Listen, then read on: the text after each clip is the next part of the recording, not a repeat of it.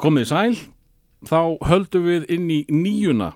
Þetta eru gleymdar perlur nýjunar og það er eitt sem ég vil koma áleiðis á lengra er haldið að þetta eru hlaðvarpsserju sem að ég geri í mínum frítíma. Ég er ekki að fá borga fyrir þetta þannig að þegar fólk er að kvarti við því að þetta hafi ekki heist eða þessi tónlistastefna hafi ekki heist þá er það bara þannig. Því miður, uh, ég er ekki að fylgja einhvern reglum þetta uppskustina af þessum uh, serjum er bara tveir aðalega að ræða tónlist og uh, þetta getur mögulega gest í ykkur sangkvæmi en þið bara fáið að hlera hvað við erum að tala um. Og rétt eins og í áttunni í glemdum perlum áttunar þá er fyrsti viðmælandi popfræðingur fólk verður að geta tekið mark á þessari serju og þess að ferma beint í popfræðingin Kjartan Guðmundsson, velkomin Þakkaði kærlega fyrir alltaf gaman, alltaf jafn gaman að koma ykkar Það er rosa gaman að gera þetta. Bara mikill heiður og, og, og takk fyrir síðustu sériu. Já, sumulegði. Hún var gjössanlega frábær. Ég hlusti á alla þættina, sumu oftar en einu sinni. Já, er það? Og þessi, þessi sem er að kvarta yfir eitthvað þetta ekki... Hvað er rockið? Sko, þú náttúrulega hefur ekkert með það að gera hvað heyrist í þessum þáttum til að byrja með, það eru gestinni sem velja. Já, vissulega, en ég gæti mögulega valið yfirlýst á rockar eða eitthvað slúðis, en ég, ég valdi nokkra rockar í þessa sériu sem er ekki að skila rocki á sínum listum. Ég teka þetta því strax. Sko. En það, kannski áratugurinn ekki beint til þess fallin, svona að finna eitthvað gott rock. Gruggið var hann að stert. Jú, reyndar. En það er margir bara búin að fá leið á því. Já, er... Þessi tímapunktur er ekki mjög gruggvæn. Nei, nei Guði sér lof. Af því að það var svo mikið af því leðilegt en svo líka eins og ég komst allir með Britpopi sem var nú stert Já, það er ekki mikið af því heldur. Það er bara svo lítið af því. Sko, þau, að mínum mati allavega Britpop lögin, þau voru kannski frábær eða umuleg það var lítið af þeim eitthvað, eitthvað sem að glemtist bara. Já, nákvæmlega, þau sem að urðu vinsal eh, höfðu fulla ástæða til þess að vera vinsal og Já, þau lifa. og þau lifa. Við erum með, þú veist, Oasis, Blur og Sveit sem að heyrast dagstælega sko. Já og uh, hinnar voru bara með mun færri lög og það er einhvað af þessum fáulögum sem fá að heyrast. Já. Ég er ekki búin að sjá neitt Blur, Oasis eða, eða Pulp eða neitt Nei. á þessum listum sem eru komni núna. Nei, það ég minna þessi lög með Blur og Pulp og Oasis þau heyrast bara hérna ára á stuð. Já, og meður sér á bylginu sko. og náttúrulega X-inu líka, þannig að það, það er nótt til að þessu. Ég var hálf hissa á því, ég var náttúrulega, þú veist, skellti mér alveg á bólaka í, í Britpopi aðna sem tíma, þú veist. Hérna, gerði mér sér þátt þér um Britpopi? Já, þú veist, það sem ég dró fram svona kosti og galla mm. sem var bæði mikið af sko, bæði mikið af kostum og, og mikið af göllum líka Hvaða gallar eru á Britpopi? Þetta var náttúrulega rosalega Þetta var náttúrulega geggju tísku bylgja Svakal tísku bylgja og fullt af góðri tónlist fullt af mm. góðum lögum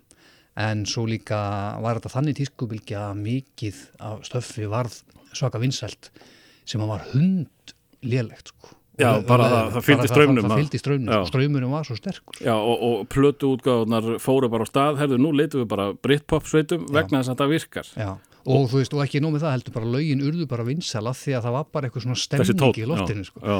Og já, þú veist, þetta var ótrúlega förðulegur tími og svona líka má benda á það, þú veist, að þessar helstu Britpop sveiti voru marga hverjir að líta bara tilbaka, það var mikið, í staðin fyrir að líta fram á við. Nákvæmlega.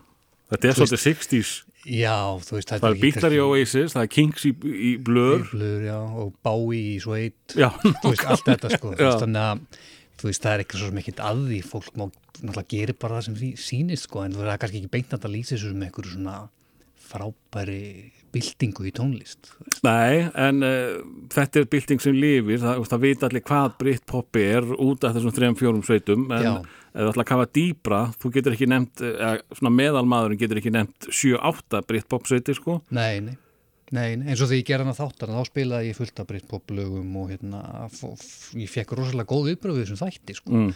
hvað, alltaf ekki verið 2014 eh, sem ég gerði þáttin þá meðaði ég semast The Birth of Britpop við í rauninni þegar hérna Parklife já Parklife og Definitely Maybe þær kom út já, fyrstu blödu þegar, þegar að hérna einviði var hann að stóra já þegar það byrjaði allt sko. þá svona já ég pinnpontaði þann tímapunkt sem þarna byrjar Britpopið sko. Mm -hmm, mm -hmm. Og, og fólk var rosalega ánætt að heyra þetta en það er fullt af góðri tónlistannar sko. Já svo náttúrulega mátt ekki gleyma því minn kæri kjartan að uh, unnið út af sefni er eh, ekki mjög ábyrgandi. Jú, við fáum það á rás eitt en það er kannski ekkit alltaf eh, beint upp í okkar sund. Nei.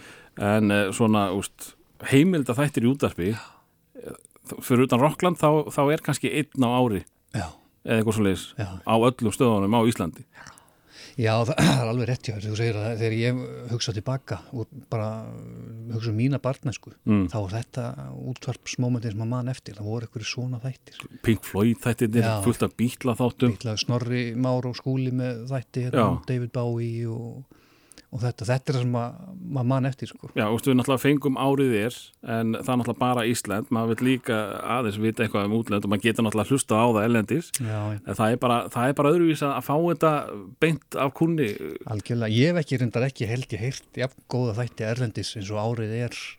Já, ég er eitthvað sammálið, þetta er svakalega vel unnið sko. og, og heimildavinnan hjá honum Gulla er bara upp á tíu sko. Já, Já. og Ásgeir, Þessu sko. Ásker er náttúrulega meira maður sem setur það saman Já, já, já. Og, og, og, og lesi þetta allt saman en ég held að Gulli sé meiri að grafa hólutna sko. Grúskarinn, já. Já. Það er allavega frábæra þættir. Frábæri þættir, uh, rétt eins og þessi verður kæru hlustendur og, og uh, þetta er, já, eins og þú vantarlega hefur tekið eftir, þetta er podcast og þú þurftir að ná í þetta þannig að þú getur hægt að hlusta hvar og hvena sem er en það er Ég myndi engin ekki gera, ég myndi ekki gera. Nei, vegna þess að uh, jú, vissulega var hann sterkur á svellinu í áttunni, hann Kjartan Guðmundsson en þetta er þinn ára, áratugur þarna erstu unglingurinn þarna Þarna ertu sko álfuru farin að- að hlusta e, í áttunni varstu meira að grúska eftir á það ekki, það var ekki rauntíma Sko reyndar ekki. Ég var skríti bann sko. Ég var rosalega snemma að byrja að pæli alls konar hlutum sko. Já, Pældi meiri í þeim heldur en nokkrum öðrum. En jú, tíundi áratugurinn sko. Ég er sérst fættu 76 í november. já, Þannig að þegar tíundi áratugurinn hefst. Ég, ég, ég gerir á fyrir að tíundi áratugurinn hefðist bara 90. mm. Bara 1. janúar 1990. En þú veist, það er náttúrulega ekki allir sammála því. Nei, nei, ég ætla ekki að fara að ræða þetta sko, það er bara, Nei. fólk má hafa þetta eins og það vil Já, Ég- en þá var ég sérst, ég var sko 13 já, bara nýlega orðin 13 þegar áratugurinn mm. hefst bara, þú veist, lítill api sem vissi ekki neitt, sko. Já, sko, ég var nú bara að heyra frá einhverjum uh, minni manni en uh, Mattiasi Má sem að er duglegur að lesa einhverjar stúdíur um, um tónlist að uh, áratugurinn frá því just 14 ára til 24 er mótunar áratugurinn. Það, þessi tíu ár stjórna því hvað kemur til að hlusta á bara alla æfi. Allavega, já, það er alveg örgulega rétt, sko. Og þetta er áeiginlega akkurat við mig. Mm. Svo þegar áratugnum líkur, þá er ég orðin 23 og bara orðin fullorðin maður, sko. Já, Róslega langur áratugur í mínu lífi. Það er margt sem gerist á svona, hérna, þessum tíu árum, sko. Já, þú, veist, þú, þú ert náttúrulega spann upp í fullonum mann sko. Já, þetta, er, hana, þetta, þetta eru bestu árin þín unglingsárin er það ekki Jú, ekki á, ekki, á, á það ekki að vera þannig vera þannig. Og þess að reyndar, þú veist, þetta eru bestu árin, þau eru sérstaklega bestu árin eftir á að ekki, hann lítur tilbaka. Akkurat með þeim voru, já. þá er náttúrulega er yfir já, þú veist, unglinga, ángistinn og veist, allt þetta maður fattar ekki í dag, akkur maður var alltaf svona fúll og leðilegur Nákvæmlega, veist, og svo hugsa maður tilbaka svakalega var þetta gaman og svo var maður út í hotni grenjandi að því að, að, að, að stelpan vildi mikið eitthvað, Já. eitthvað álíka merkilegt sko. eitthvað bara, já ég, átti ekki, ég, átti ekki plötunum með þessum. Já, og ég menna bara hitt og þetta þú veist, sem á ekki að skipta henni máli. Mhm, og svo núna eigum við börn, þú veist, og við erum örgulega báðir, þú veist, búin að innsetja okkur það að reyna að kenna börnunum að láta ekki svona hluti sem skipta engum máli skipta máli, það er ekki hægt. Það er ekki, er ég, ég er akkurat að vinna mikið með þetta núna Já. og ég er rosalega mikið að vinna með það, kjartan Mm. að vera ekki, sko, ég bjóða á þessu hjá ömmu og afa, þannig að, sko, kynnslóðabili var gífulegt þannig uh, ég er að reyna að vera skemmtilega í pappinu Já. og alltaf hress og hress við vini uh, dóttur minna sem eru akkurat núna í unglingsaldri hún er búin að koma oftar en einu sinni að mér og segja í guðana bara um hættu þessu. ekki reyna að vera hress í pappinu oh. nefndur frekar að vera leiðilegur og segja ekkert. Já, ha, en, maður, maður að taka gott flip og eitthvað svo það það er ekki vel þegið. Nei, ég veit það. En ég held samt að þetta sé réttalegin að vera flippari hún, hún, sko þegar hún þau- hugsa tilbaka Já, ég Já. þau, þau jafna sig frekar á því að vera einhverju vandrarlegu upp og komi í nokkra sekundur heldur en einhverjum leiðilegum pappa Já. sem er alltaf með alltaf hotnum sér sko. aldrei breytast, þetta var einhvern tíðan sagt um uh, eigast nú okkur að tónlistinni Já, endilega þetta, þetta, það, sko, þetta er náttúrulega sko, áttan var gífulega sterk vegna þess að þar kemur svolítið syndin inn í poppið Mhm. og breytir rosalega miklu. Uh, rockið var ekki sko, áttan var ekki sterk rocklega séð. Uh, við fengum náttúrulega sprengju í upphafi nýjunar sem var grungeið og, og það sem að var ekki njúmetallin, kom hann ekki í lokin á, á, á nýjunni eða var það kannski eftir 2000 Ég Já, veit í kringum það. Death metalin kom hann Já, nákvæmlega, það var bara early 90s þannig að Rocky var nokkuð stert uh, í áttunni. En uh, þarna sem sagt dansvorið var hafið í áttunni, en þarna blómstarða Já, þarna verða sem sagt, verður danstónlist uh, já, bara vinsalasta tónlistin á svæðin já, þarna, veist, og við erum að sjá sko, danstónlist í efstu sætum vinsendalista æmið, alveg fullkomlega hérna óheirt Já. sko áður svipa og, og, og rappi gerði tíu ánum síðan eða eitthvað svolítið Einmitt, já, já, það eh, einmitt skrítið þú nefnir þetta sko, að hugsa tilbaka, þú veist, í, kringum 95 eða eitthvað, þú veist, þegar Uxi var og allt þetta sko. Þegar ég hugsa tilbaka, þá var þetta einmitt þannig að danstónlistin var bara, þá var hún orðin ein af þessari tónlist sem var hana bara. einmitt, Það kifti sér engin neitt upp við að þú að kæmi teknólag á mentaskólaballið eða eitthvað. einmitt Eh, Þú veist, fólk bara dansaði og svo dansaði það við stuðmenn líka, eh, veist, allt þetta sko. Þetta var bara eitt, eitt af þessum að, að komi til að vera. það var tekno, sálin og beint í þessi sól Já, Já. það hefur verið svo fullkomin uppskrift sko.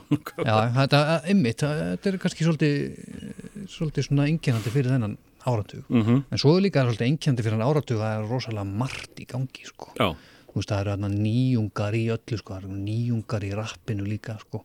Þannig er náttúrulega rappið að komast upp á yfirborðað að einhverju viti, þú veist, það, það fólk vissi af þessu í áttunni en uh, maður var ekkit, það, var alveg þverfóta fyrir þessu á vinsandalistum að þessum Já, já, já, svo... Þetta byrja svolítið með einhverju látum með, er það ekki Dela Soul, uh, late 80s með þarna, uh, hvað, Feet and High. Rising, já, já, svo er náttúrulega haft þarna Run DMC og Public Enemy og svona, sko. Já, það var náttúrulega meira bara í bandaríkjunum? Já, akkurat sko. Og, en þarna þú veist bara eitt ár 1993 mm.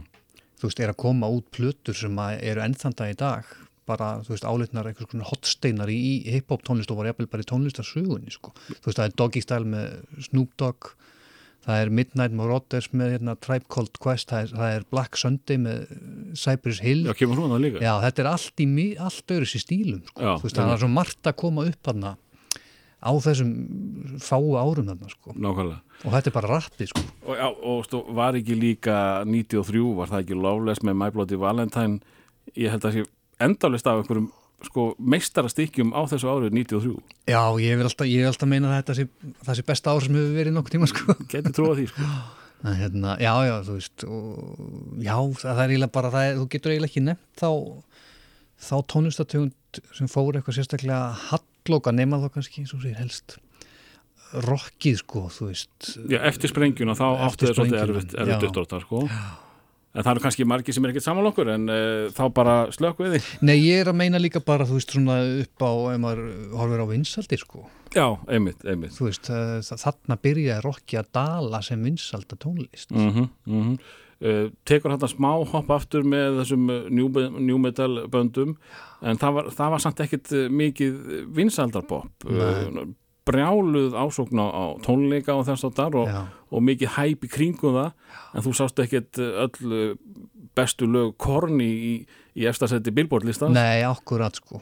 Æ, munu eftir, ég var ekki bara núni í, í síðasta voru eða eitthvað sem að fóra að stað eitthvað umræðum hvort að Rokki væri dögt og eitthvað svona, það var eitthvað hún heilmikið. kemur náttúrulega mjög oft Já, upp. kemur oft upp, það var sérstaklega núna eitthvað mikið, hvort það var Óli Palli sem að, hann hendur sér fram já, já, já. en það er sem sagt komin einhver stúdía um það að hiphopið er orðið vinsallega heldur en rappið nei, hérna heldur en rockið Já, já, já, og þá kom þessi stóra spurning er, er rockið endalega, því rockið var alltaf vinsalasta tónlistar sem hann seldi, seldi mest og eitthvað já, já, já. uh, en hiphopið er núna númer eitt og, og, sko, og horfur bara frekar langt niður núna sko. Akkurat, já, ég minna, var þetta ekki bara að byrja þarna á þessum tíma, þessi þróun? Jú. Annars finnst mér þetta svona ekkert sérstaklega skemmtileg umræða, sko, að vera alltaf að setja eitthvað hluti í eitthvað sérstak hotn og svona, sko. Nei, en, en miklu ódýrara að gera bara drastlið sitt á tölvu. Það er erfitt að gera alvöru rock og roll á tölvuna sína. Ég veistu, ég bara veit ekki. ég, ég er nokk vissum þú, Þú- sér, þú- þú sér bara eh, það sem er að gerast á, á skólabölum Íslands í dag.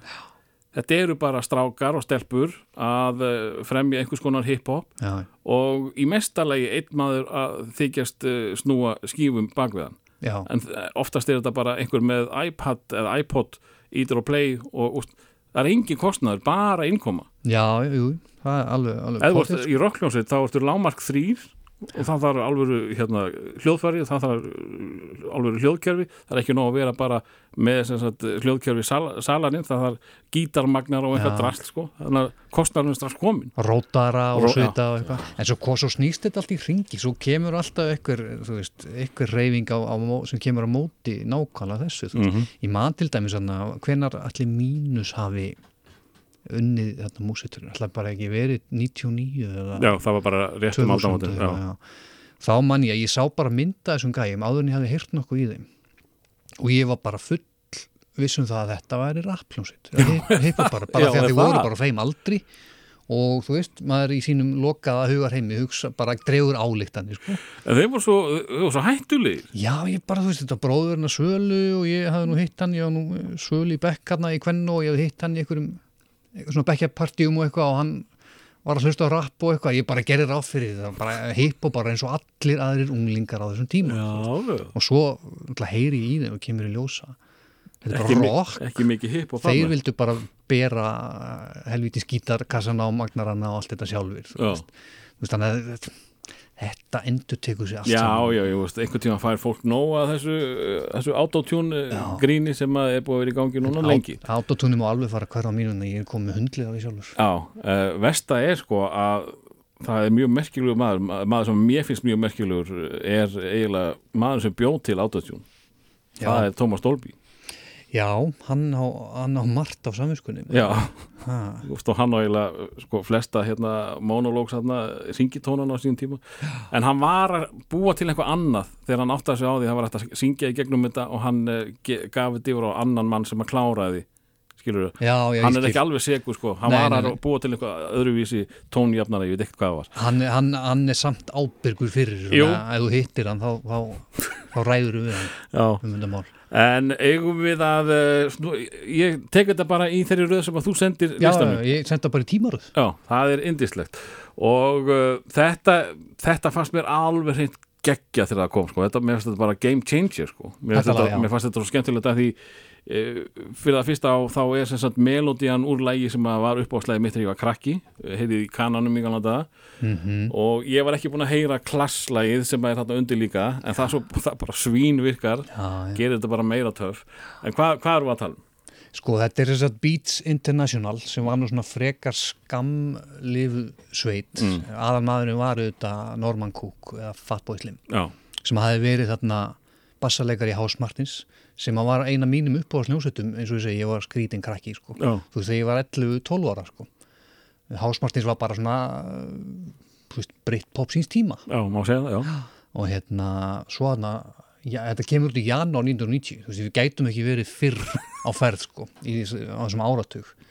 Og hann greinilega hafði alið með sér hérna, allt aðra skonar, annars konar smekk heldur en Hásmartins svara fástuð sko, hann hafði áhuga á danstónlist og... Já, hann kemur úr danstónlist, hann var DJ og hann bjargaði bara söngvarunum úr hálfmastins einhvern tíðan vegna þess að fyrir eitthvað, eitthvað tónleikaferðina þá hætti bassalegarinn og hann ringdi bara hérna að bruna, hann, hann var í Breitón, þeir í húl, hérna að bruna núna og, og hérna hlusta á spóluna reyna að læra lögin Uh, hann kunni bara hluta af lögunum á fyrsta giginu. Já. þannig að hann stóð upp á svið og spilaði eitthvað bassa en hann kunni ekkert. Já, svo kikkaði hann inn þeirra lögin sem hann þekkti. Sem Já, já, og svín lukkaði náttúrulega. Svalu gæi sko.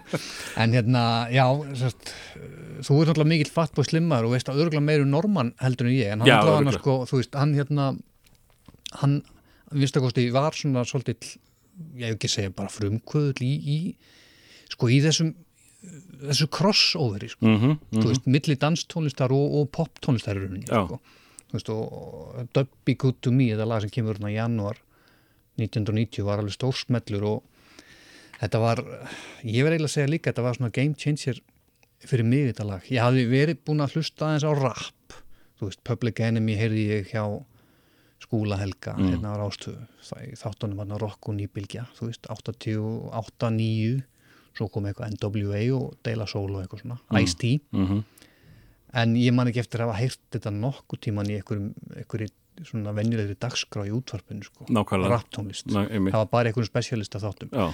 og að, út á því, og maður hafði kannski ekki mikið fjarr og það var ekki mikið að kaupa alls konar plötur þá sög maður í sig allt sem að gæt mögulega flokkast sem rapp mm.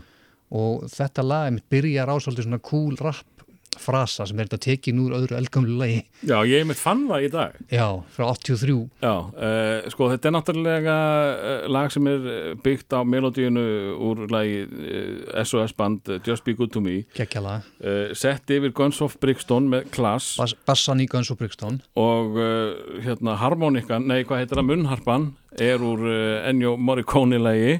Já, er ekki Good, Bad and Ugly? Það heitir það, nei, One Upon a Time in the West Já, já. Uh, Once Upon a Time in the West. Uh, og ég, ég svona gerði ráð fyrir að þau, þau ættu allavegna þessa línu upphæfið þá var það ekki einu Þa, það er stóli líka sko. þannig að sko þarna sínir hann og sannar að hann er bara plötusnúður. Já, já, já, já, en það hefur örgulega líka bara verið, þú veist minna, þetta er sem hann held síðan áfram með, þú veist Fatboy Slim lögin. Já, hann er náttúrulega bara snillingur að blanda þessu saman já, hann sko. bara er að taka hérna og það og bara reyna að taka úr um mitt sem fyrðulegustu áttum, sko. Nákvæmlega. þarna virðist hann að vera að sækja í þessu lægi sko, sækja mest bara í uppaf nýjunda áratöðurinn sko. þú veist, SOS bandi frá 83, 83 og svo þetta rappla líka sem ég man ekki hvað heitir alveg. Einmitt það heitir, uh, hvað heitir það hana? Uh, Jam Hot. Já, Jam Hot heyru bara hérna, sko, þetta sko, lægi sem að kjartan ætlar að hefja leika á uh, byrjar á uh, já, rappi sem kemur hérna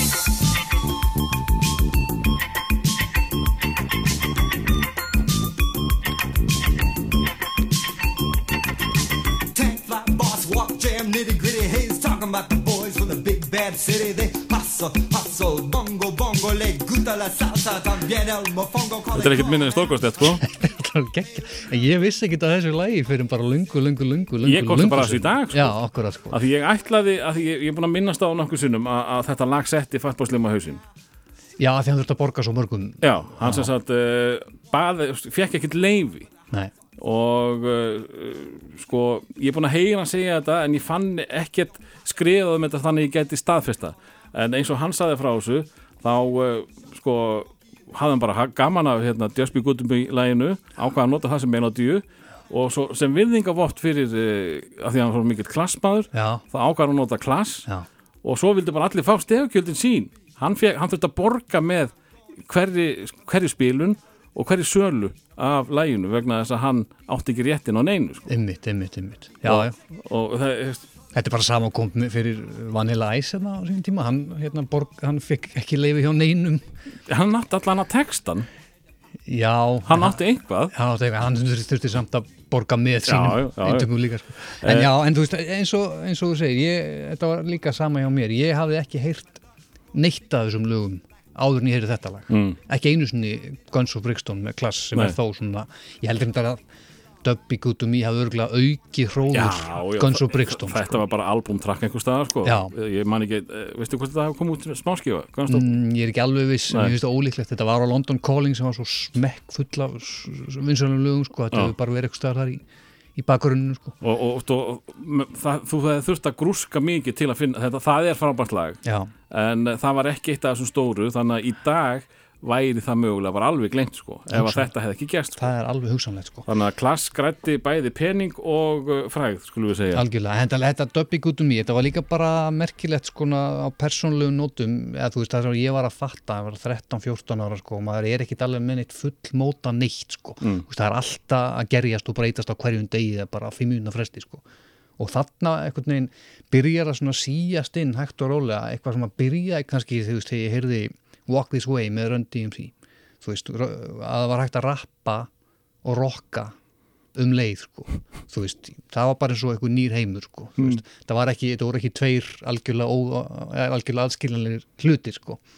Og þarna fattar maður döppi um það er að blanda saman einhverjum hip-hop takti og venjulegum, venjulegri pop-melodíu og munnhörpu og þú veist alls konar drasli sko, þú veist þetta er bara svona þetta er hrærigrautur sem hefur mikinn áhrif á þú veist hérna, ungan manna mótunar árum og hún geggja lag sko. Frábært lag Beats International og lagið heitir Dub Be Good To Me Tank fly, boss walk, jam, nitty gritty You're listening to the boy from the big bad city This is jam hot This is jam hot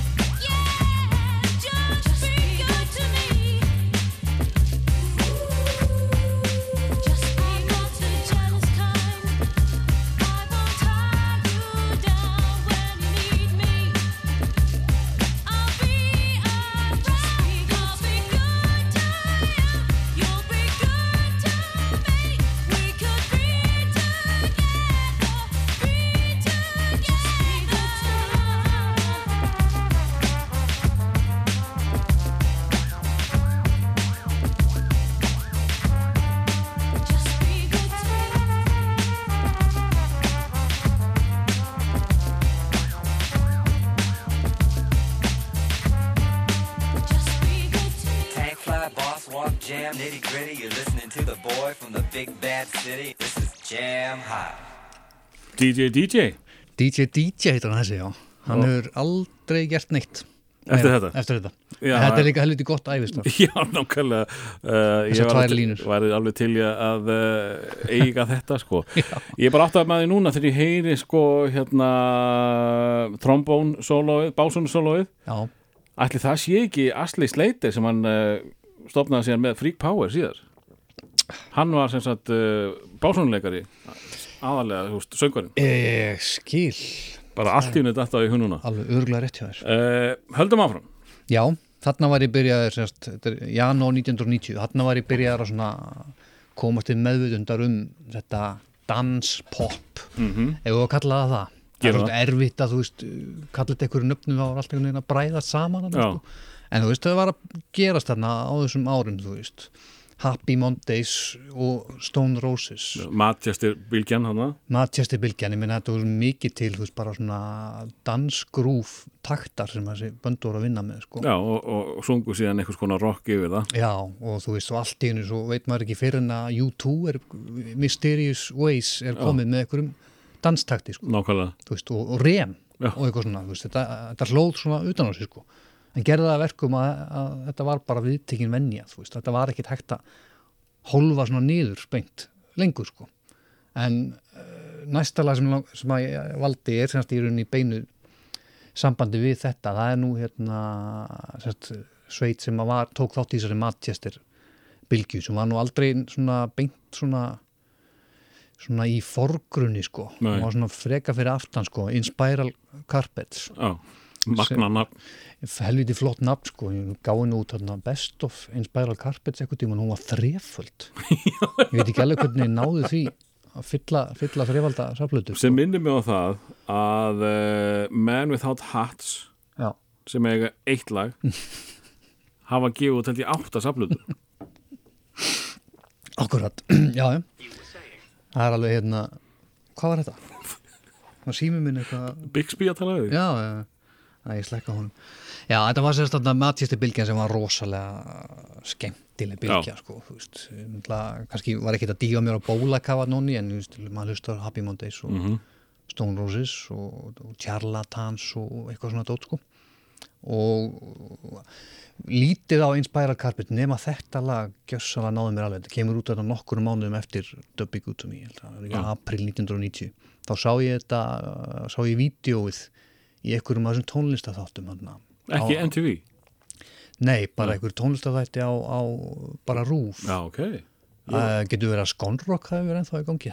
Ég man ekki eftir að sé þetta vídeo allavega. Nei, það er helviti flott sko, allavega var á sínum tíma var alveg geggjað sko, mm. það var, það var að beita einhverjum, einhverjum tekni, tekni brellum og bráðum hann sko sem að festust í hausnum. Og var þetta þá eitthvað í, í, í síkadeliska átt? Já, aðeins, var svona... Þeir voru svolítið að vinna með það, held Já, voru að vinna með einhverjum listamönnum sem að veist, hönnuðu allt veist, lúkið og all vídjóun og allt sko, það hafa eitthvað svona sem að reyndar svo líka, þetta var bara svona Manchester feelingur yfir þessu sko. Já, sem að var eitthvað pínulítið svona flower power Já, grín, sko. já, hann talaði um hann 89 held ég sem, svona, eða hann var 90 bara sem Second Summer of Love Já, svoleiðis, sko. Já, það var svona uh, smá hippa feelingur í loftinu líka Já, einmitt. mikill eitulifa feelingur Alveg bullandi og, og, og mikil ást á, á köflum. Já, mikið af e Já, e-efnum þarna en, hérna, en þetta lag bara náði mér, þetta er rosalega hérna, þungt, ekki þungt tónlistalega sé heldur, textalega sé Mhm. mm -hmm. umfyllanarefnið er rosalega erfitt bara, þú veist, þetta er svona grámikluleg raunsön mynd úr, úr breskum uh, hverstagsleika sko. En hérna, mér finnst það bara svo svakalega gott lag og ég er ekki einu svona vissum endilega að sé sko glimt perla, ég er reynilega ekki hugmyndu og ég hef allavega ekki hýrta þetta er aldrei spilað, sko. Þetta er aldrei spilað. Alveg, alveg farið, þú veist, rockstöðun X-ið, ég held að hún viti ekki að þessu lagi, sko. Nei, Með akkurat. fullri verðingu. Já, Eh, en þetta 90 hefur þetta verið á þeim tíma sem að Noel Gallagher var að vinna fyrir Inspiral Carpets já, var sem rótari Já, var alltaf að reyna að fá að vera gítarleikari eða söngvari hjá þeim, já, ef ég mann rétt. Þeim fannst hann bara ekki nógu þannig að hann, hann held áfram bara að róta. Þangað til hann hérna gekk til við Oasis sem var síðan stopnaði hann ekki Oasis? Nei, Liam og, og þessir bjánar hann sem voru með honum, þeir voru búin að vera í eitthvað tíma Nú. að djamma sko og voru mér sér komni með nafnið og allt Já, mér finnst þetta svo mikið vera bandið hans nóg. Já, og svo mætti Nóel mætti á æfingu ég held að Nóel hafði svo sem alveg vita hvað hann gat sko Já, hann var alveg kókustur og saði bara við Liam og Kó sko, ég skal koma og redda þessu en það þýðir að þið, ég á ykkur 24 tíma á sólaring 7 dagavikunar Já. og við æfum og við gerum þetta viti og hérna, já, þannig semst byrjaði Oasis sem var vinsalasta sveit setni tíma, já, ég held það. allavega þarna sem kemur frá Breitlandi sko. Nákvæmlega. En uh, Inspiral Carpets, eh, þeir sáu ekki þessa stjörnu í Noelnum, Nei, en við fengum þetta lag í staðin. Husband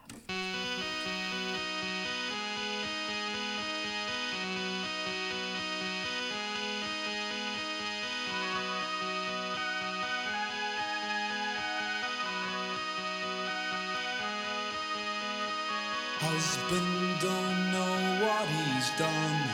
Kids don't know what's wrong with mum. She can't say, they can't see. Putting it down to another bad day. Daddy don't know what he's done. Kids don't know what's wrong with mum. So this is how it feels to be lonely. This is how it feels to be small.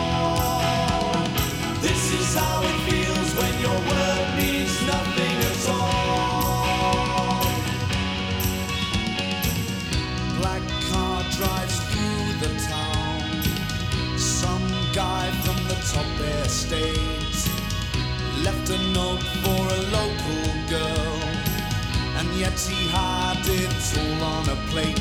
So this is how it feels to be lonely. This is how it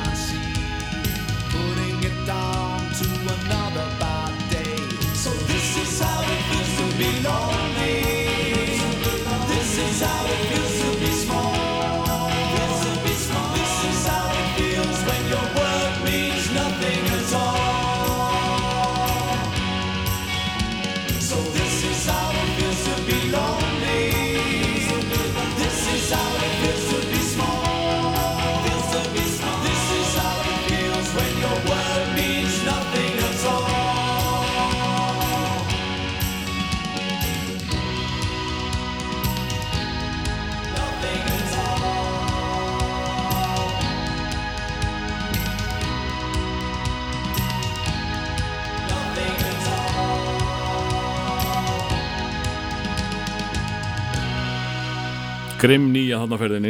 Já, þetta er rosalega flott lag, ég fann nú bara, bara gæsa að hérna, hlusta á það, það er eitthvað, eitthvað við þetta, það er eitthvað sem að rífum að, Þannig að orgelið er, er, indislegt uh, Þú ert hrifin að træbal trommónum. Já, trómunar er góðar. og viðlagið er rosalega söngvænt. Já, og það getur bæði sungið sér satt milliröddina og Algjörlega. það er, það er alltaf gott. Sérstaklega, sérstaklega með sko, textan, veist, það er það rosalega svona jolly viðlag, sko. En ég veit ekki hvort er tínt eða glemt perla, hvað kannski er á nýtt á Íslandi, en, en ég bjó nú út í Liverpool á sínum tíma. Já, þá fór ég oft yfir til Manchester sko og að sjá eh, hvaða áhrif þetta lag hefur á fólk þegar pöpparnir loka, þú veist, í Englandi sko, það er, það er rosalega sko. nú, Þetta er bara eins og eitthvað bubbalag, eins og stál á nýfur eða eitthvað. Í borginni þeirra, er náttúrulega heimaborgin sko. einmitt. Já, er þetta svona stórt Já, það? er mjög stór sko, Já, Ma það- Manchester búar þeir eru líka að sjá um sína sko, Já, en þetta er það snemma sko að Exi er ekki byrjað þarna Nei, og uh, Rock og Nýbylgja hefur kannski spilað þetta eins og neitt tvisvar. Það var engin útastöð fyrir þessa tónlist þegar þetta kemur út sko. nei, akkurat það þannig að þessna er þetta ekki mjög stærst hérna heima sko. Ymmit, já, það er ymmit sko, exið var bara ég kannski tölum við þess betur og eftir sko, þegar að, eftir að koma inn á þann tíma sko, exið var frábæð stöð á síðan tíma sko. geggjustuð þetta, þetta var ekkert ósvipað bara rástöð nema hún var þingri og hún mi- miklu miklu, miklu dýbra í sínar skrýtnu áttir sko. ymmit, akkurat, og, og let lópa og það, það var allt cool það sko. algjörlega uh, Exi var ekkert að- vinna með eitthvað sem var ekki cool sko. nei, nei. en svo, þú veist, ég heyri þetta í einhverjum þætti, skonrock eða popcorn mm. eitthvað, sko, það voru svona einstaka outlet fyrir eitthvað svona sko. Já, og hérna, þú veist, og líka maður var bara, af því að þetta var erfitt að finna þessa músík, þá var maður bara meira alert, sko, Já. maður passaði sig á því að horfa á þessa þætti þegar þið voru á daskra og svoleiði, sko. Það voru skemmtilegir tímar, sko. Já, svo náttúrulega uh, Skonrock var Þorgir Ástvalds í áttunni og, og, og fleiri sem að sko, ég held að þeir hafa ekki haft rosalega mikil áhrif á hvað var að heyrast. Síðan, síðan fór þetta út í það að vera smá grínþættir og einhvers svo leiðis þannig að tónlistin var ekki, ekki líkilatrið hjá þeim sem stjórnuð Nei, en í einhver tíma var skúli Helga með einhvers konar hann hvort það hafi verið Skonrock eða eitthvað annað þá var allt alveg tipp-topp sko. þá var hann greinilega að handvelja uh, dóti sem var í bóði það hefði vantilega verið á það þessum tíma örugglega verið á þessum tíma ég, ég man alveg eftir því, ég man bara ekki hvað þátturinn hét, en hann var ekki skonrock, sko mm. og hann fór stundum sko bara í eldra efni sko. Hann vildi bara spila uh, sína tónlist ekki bara það nýjasta ef það var ekki til eitthvað gott nýtt sko. algjörlega Skúli Helgarsson ég er allavega mjög þakkláttur honum hann, hérna, hann að alls konar drast Mhm. þegar það var bara ekki sjens að heyra að neista annars þar kynnti, kynnti íslensku þjóðana fyrir mörg af því besta sem til er í hefum bara ekki spurning og bara úr öllum áttum sko. hann kynnti ég heyrði fyrst í Public Enemy hjá honum sko. Já, var það ekki hjá, þegar þau voru saman, hann og Snorri nei, það var bara Rokk og Nýbylgja á rástu á mándaskvöldum frá tíuleitt Var hann bara einn með það? já, hann var eitt með það sko. Já. þá var Snorri bara að gera eitthvað annað og svo held ég að þið fara aftur að vinna saman setna Þegar, þegar að hérna Rokk og Nýbylgja var á mándaskvöldum þá bjó ég á Súðavík uh, í verbúð. No. og uh, var klára á, á er ekki, alveg, svo, svo sem sagt, liðum ára þessu út vikuna í fristihúsinu algjörlega. Varstu að taka upp ákveðin lög sem þið leist vel á eða, eða alveg þættina bara í heilsinni Ég uh, tók sénsinn oftast uh, að því ég, ég átti ekki mikið á spólum. Maður verið að fara að vallega með þetta. Maður gæti ekki að tekið upp heilu þættina. Nei. þannig að uh, sko hvernig hann talaði um efnið og það er náttúrulega mjög vassum að ég hef búin að lesa mikið um. Ég náttúrulega var áskrifandi af einhverju NMI, einhverju, ég man ekki hvað það var. Já, þannig að ég, ég vissi allt um bandið löngu en ég heyrði í þeim sko. Ummitt og uh, þegar hann fór í eitthvað sem ég þekkti þá bara beint á pásutakan og algjörlega já, NME og Melody Maker það var einmitt upp úr þessu sem ég byrjaði að lesa þau blöð sko. Mm. upp úr þessum tíma, þá fór ég bara já, ég fór bara í hverja einustu viku og kefti bæði þessu blöð, alveg í mörg ár sko. Já, svo fór að bætast við blöð select og mánaðarblöð, já, mánu, já, og stóru blöðin sko. já, alls konar blöð sem ég man ekki einu sinni hvað heita lengur sko, þetta var það sem maður þurfti að gera. Nákvæmlega, ef maður ætlaði að vera með. Uh, vendum okkar hvað í kross Já, heldur betur. Kannski ekki, ekki rosalega langt samt, sko, en frú, veist, samt Þetta er langt frá síðasta lagi. Já, já. Við erum að fara frá Breitlandi til Bandaríkina Nú er þetta bandaríst já, þeir er nefnilega, þetta er PM Dawn. Já, það eru öruglega margi sem að, þú veist, ég heldur að við komið hingað eitthvað tíma að spila. Er það? mér finnst það endilega Já, er þegar þú segir það þá, þá er ég ekkert frá því sko. Nei, það hefur örgulega verið sko annarkort Nei, það hlýtur að verið bara löngu setna af Því ég man ekki eftir að hafa haft neitt áhuga á því að fara og sjá það sko. Já, þú varst, þú varst fan á þessum, þessum Þegar tíma. þetta lag kom út sem, að, sem ég valdi núna Já, þá fannst mér þetta rosalega, rosalega flott lag. En þeir sem sagt Þetta er PM Dawn og lagið Set Adrift on Memory Bliss. Það er frá 91 mm. setni hluta 91, þá var ég í tíundabæk sko. Og PM Dawn var búið að vera að reyna að harka eitthvað í bandaríkjunum en gekk ekki neitt og svo fóruðu til Englands og þá sprakk allt sko. Já. Englendingarnir kunni alltaf miklu betur að metta það heldur en bandaríkjumennir Mm. eins og bara oft gerist sko. Af því þeir sampla þarna frækt brestlag þá var ég Já. löngum búin að ákveða það að þeir væru breskir Það væru sko. breskir. Já. Já, já, akkurat. Ég, þeir samplaða hana uh, trú Mm. með bandoballei frá, sem er frá 83 og það var eiginlega það sem að gera verkum að ég tók eftir þessu leið sko. Mhm. af því að þú veist, ég hef búin, að- búin að hlusta á rap en eh, á þessum tíma voru rapplögin þetta var voða mikið samplúr einhverju sko, James Brown. Sem að maður vissi ekki hvað var. Já, gömlu föngi og alls Mm. konar. Ég man ég hafði heyrt eitt lag hérna einhvern tíma rétt áður sem að, sem að var samplað uh, Once in a Lifetime með Talking Heads. Já. en ég heyri það bara í útvarpinu og svo týndi nafninu þú veist og ég, ég hef, held ég hef aldrei heyrt það áður kannast þú nokkuð þetta? Ég kannast nefnilega við nákvæmlega Já, og maðurinn í útarpinu sagði að, eh, að hérna, David Byrne hafi svo ánað með þetta að hann hafi liftið þetta já, að, að það, væri, sko, það væri ekki venjan að þú geti bara tekið hvaða bít sem er og, og, og stólið í. Nei. En uh, Byrne hafi svo ánað með þetta að hann hafi lift þessa útgáfu. Ég, ég getur vel að ég hef heyrt nákvæmlega þetta allavega, þetta er svona eitt af þessum stóru týndu lögum í mínu lífi Já, ég var alltaf að reyna, ég hef ekki fundið þetta en ég er búin að reyna að googla þetta, ég hef bara ekki fundið Já. þetta sko. en það fannst mér alveg magna og það er náttúrulega að því að þarna var, var allt í unni fara að sampla eitthvað sem að kannaðist við og miklu nærumann í tíma Mhm. eitthvað svona miklu áþreifanlegra sko. og þá á- enn á ný fer þessi hrærigung grautur í gang sko, fokkar í haustum á manni sko. það er verið að blanda alls konar drasli saman sem að þa- þangað til hafði bara ekkert átt að coexist sko. já, ég, sko, mín upplifun á, á sko, að, heyra sampl sem ég þekkti í fyrsta skipti var hérna Say No Go með De La Soul. Já, já, sem er hérna- sem Hall and Oates. Sem að mér fannst gott lag í gamla daga. Svo heyri ég þetta í rappi með aðeins meira bíti. Já. það bara var einhver svona hugljómið, það var bara geggja það, og upp frá því elska ég samtltónlist já, veist, að heyra eitthvað bít sem ég þekkti búin að setja meira bít í það og allt í hennu menna að röflifi það, einmitt bara snild já, já. bara snild Og, sko. það, og það, þessi ást hverfur ekkit sko. nei, nákvæmlega Nei, já, og, og, og þegar maður hlustar á rap þá er svona, fyrst hlustar maður eftir hvaðan er, hvaðan er samplið hvað er, Já, algjörlega, svo náttúrulega bara, þú veist, besta dæratöl í heimi að lesa þarna Who Sampled Who og sjá hvaða lögur núti í hvað hvaða leið það sko. að vera þarna dögum saman Já, sko. taktu, þú veist, Welcome to the Terror Dome Public Enemy, ég hafði svona 70 lög Já, og ég er búin að hlusta á því öll, sko Já, er er það? búið að samplu, sko Þú veist, samplið þarna, fræga samplið þarna, einkennandi hljóðið í í Insane in the Brain með Cypress Hill, það er hestur að nákvæmlega. eitthvað svona, maður var ekki hugmyndum sko. En, en úst, ég er náttúrulega búin að henda þessu hugmynd, uh, spurningu fram áður. Af hverju? Þe- Þeir þurfa að borga fyrir í hvers skipti sem að lægið er spilað Já, það fyrir hluti í mennina sem gerði þetta hestsaml. Af því að þetta er úr lægi hestsamlið. Og þetta er ekki einu svona í, það er búið að tvíka þetta svo mikið til þetta er bara óhljóð þetta er bara Já, ég er bara ánæði með það Já, þetta er já. greinlega það sem veitir þeim innblásturinn sko. nákvæmlega Og Sá, það myndi bara hverfa að þið fær eitthvað að reyna þú veist, heyrðu við verum að hérna til að spara pening spara pening, náðu þú í hestin þinn jú, og takt hann upp þú veist, það bara hverfur eitthvað, eitthvað galdur sem við viljum að við fyrir alla muni halda sko. og, og þetta, þetta hesta óhljóð í þessu lagi já, á sama tíma, á mjög svipum tíma er náttúrulega jump around með einhver svona óhljóði já, í bítunu líka. Svipu hljóði og mér fannst að það gerir lagið, það er svo astnalegt Nei, bara er svo sammála, sko. uh, en ég man sérstaklega eftir með þetta lag já, PM Dawn. að því þetta sko, ég er ekkit vissum að þetta var mikið heist á rástöðu Nei, en, Þetta- en ég heyrði þetta samt alveg. Þetta var mikið á bylgjunni Já, og stjörnunni og eitthvað svoleið já, já, já, já, og þar sko í fyrsta skipti heyrði ég útastmennin að tala um að þetta væri samplað.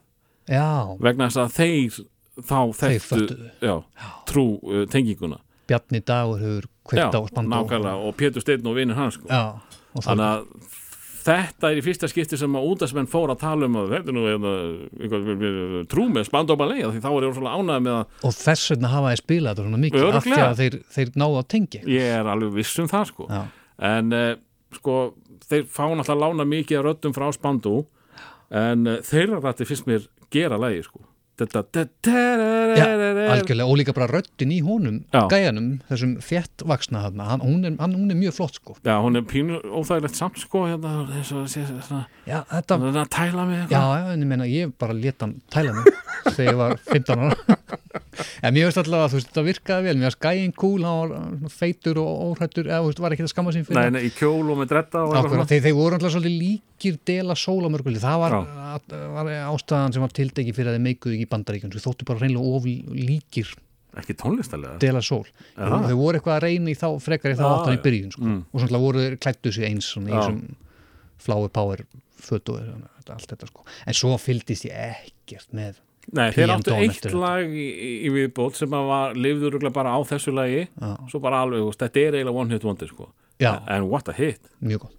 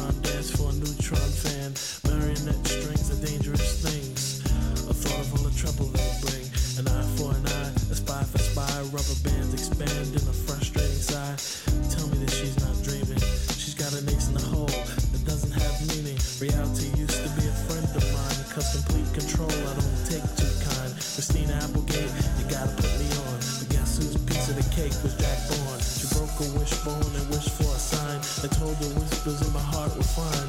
What did she think she could do? I feel for her. I really do. And I stared at the ring finger on her hand. I wanted her to be a big PM Dawn fan, but I'll have to put her right back with the rest. That's the way it goes. I guess. Baby, you send me Baby,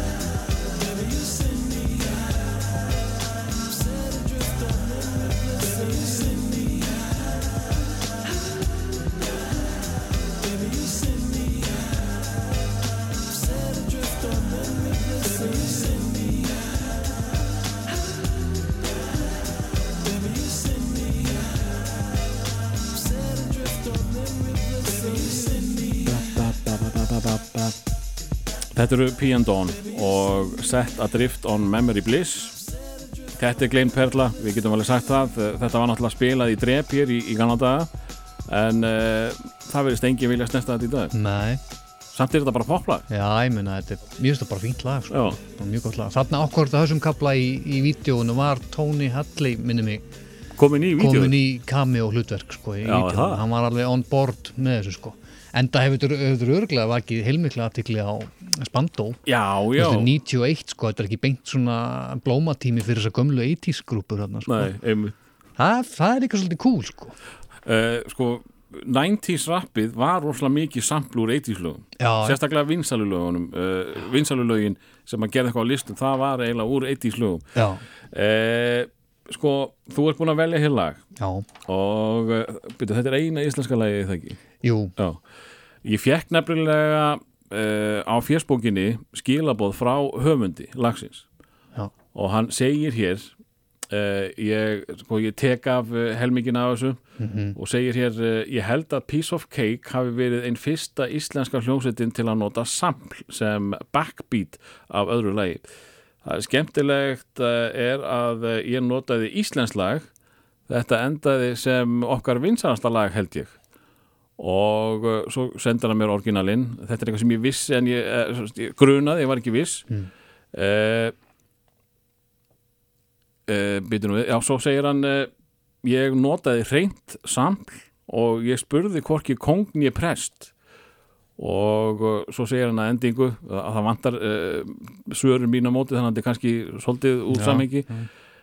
kannski að, já, ég spurði, má ég segja frá þessu í útvarpið Uh, já, já, en kannski taka líka fram að kúltúrin hafi verið annars. Uh, mér fannst aldrei uh, vera að stela einhverju þannig að uh, þannig séð. Pétur saði mér að honum þætti þetta mjög flott.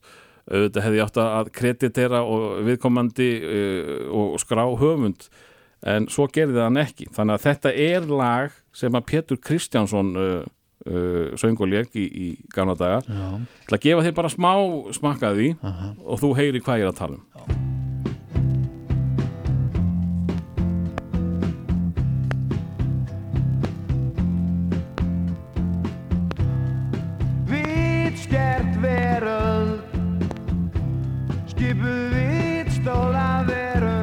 Þannig, þannig, hef, þannig hefur hann bara tekið fyrstu tvo taktana Já.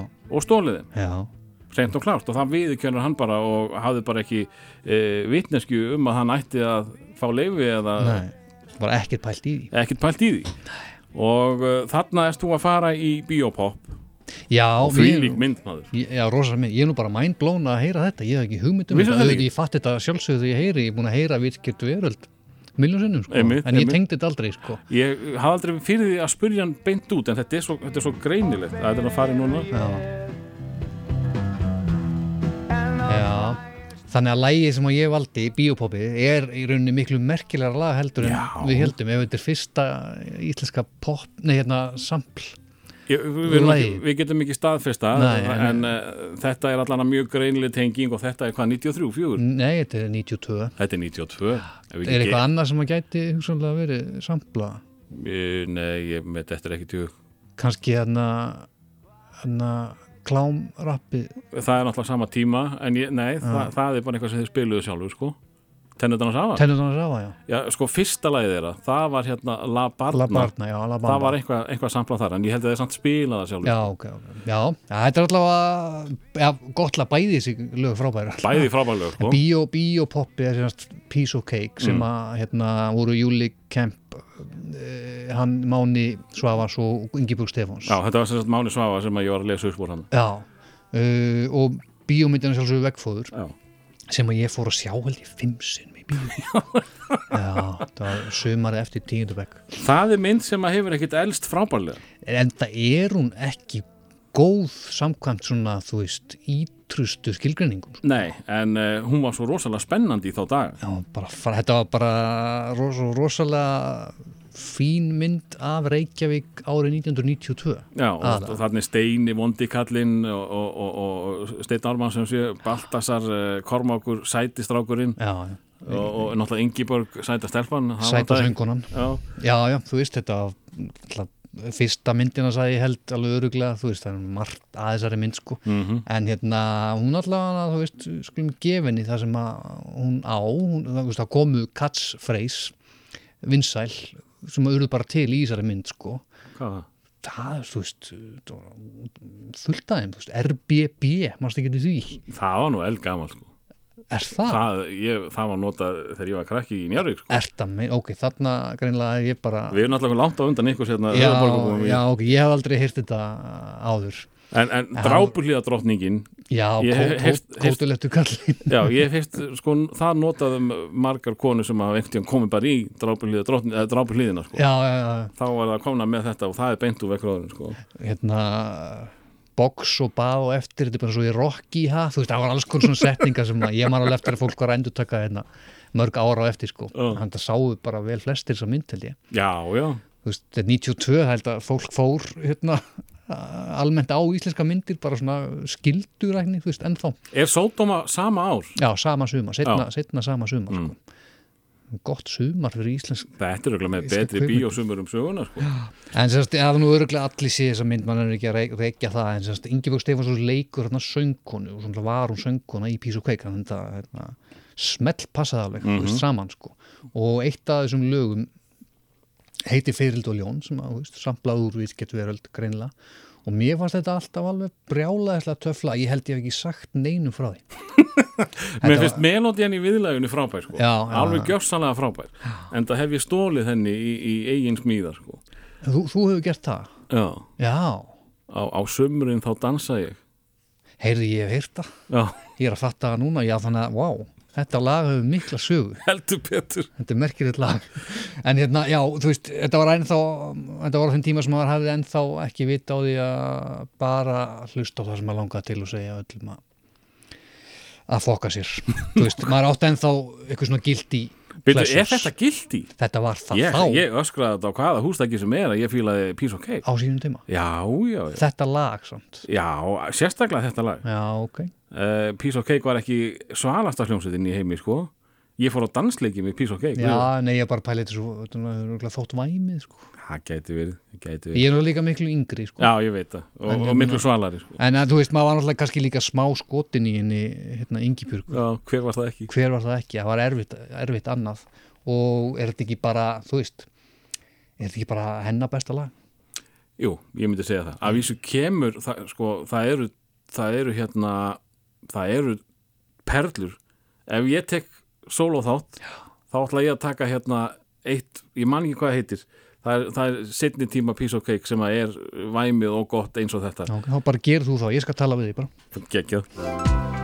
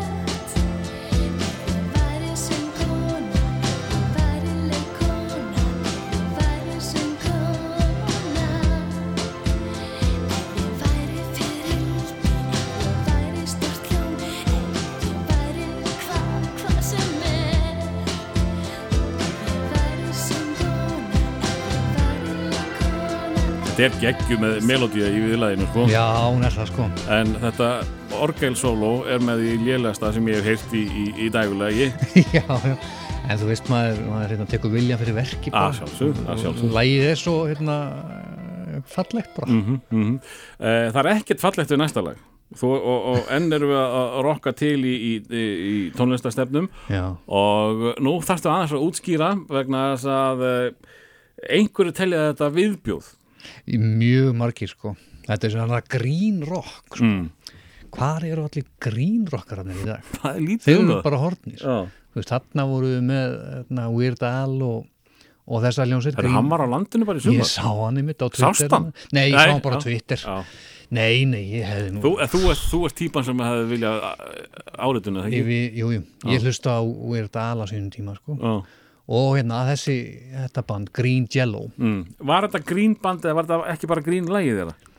Nei, þetta var nefnilega bara Green band sko. Já, ok. þeir voru í rauninni bara með grínlög þangað til þeir meikuða með læginu sem ég valdi Já.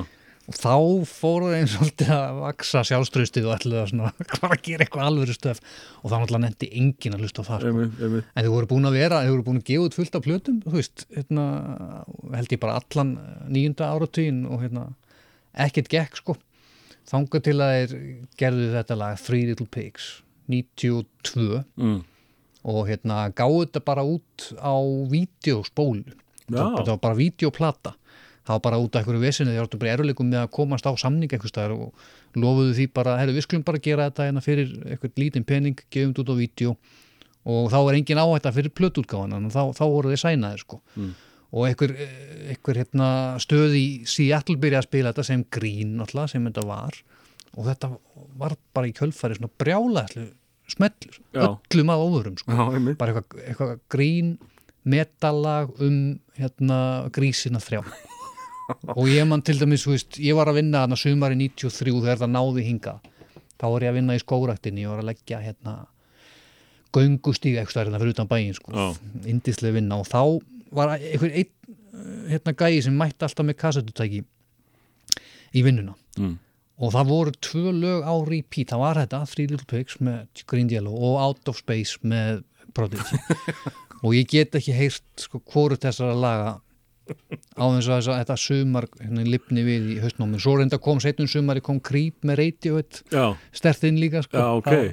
þá, heyrir þetta á gott sumar sko. Nokkuð gott. Þetta er náttúrulega, sko, þú í únlingavinnunni, þetta er tónlist sem að á að hitta þið beint í hérsta, sko. já, já, og okkur öll alveg minni, minnir að við höfum öll leið í krampa á hlátri yfir þessu lægi og okkur fannst þetta gríðilega fyndið sko. Ég, ég er náttúrulega aðeins eldri en þú og uh, mér fannst þetta bara skemmtilegt riff. já, Ég var bara ósáttu við hvað þetta var eitthvað svona, akkur voru að búa til eitthvað svona texta við þetta fína riff. já, ymmit og, viðlagið finnst mér eh, sérst grísirnir, já, mér finnst þeir eða eðilegja, já, já, mér finnst hann syngja þetta eh, skemmtilega, Já, já. þessi, Úlfurinn já, hann er alveg bara með attitútu og allt svo leiðis, riffið er geggjað en uh, svo er þetta bara grín eftir allt svona þetta er bara grín sko. Ég, það var einmitt það sem að, að reyf okkur á unglingana, það var þetta netta spaug sko. Þetta var, þú veist, þetta var öruglega bara sama ár og Beavis og Butthead voru það heitasta í bransanum sko. En þetta er samt alveg kick-ass. Já, já. þetta var ekki bara grín, þeir hljótið að hafa fundið kraftin í þessu líka. Ég með einhver ástæð fyrir við nefndum að hlusta á Já. þetta sko, þú veist, að því að lægið er ekki galið sko. En þú veist, mér finnst bara fyndið grín rock. Heyrum hérna smá grín rock.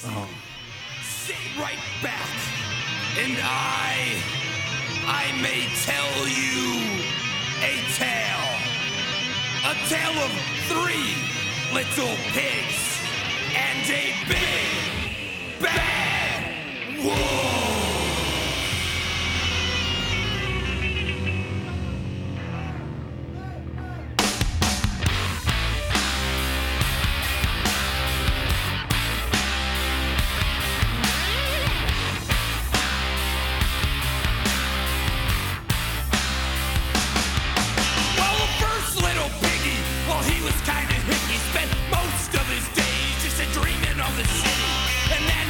day, he bought a guitar.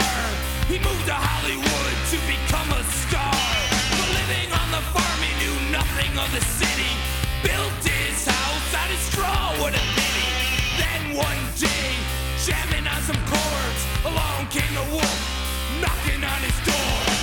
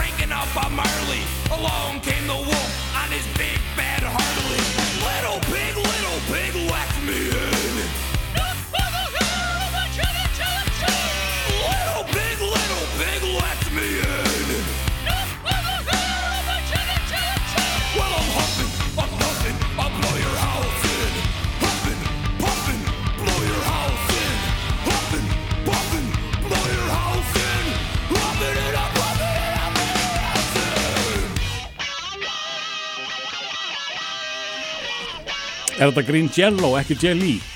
Já, Green Jello, ég héttu fyrst Green Jello. Mm.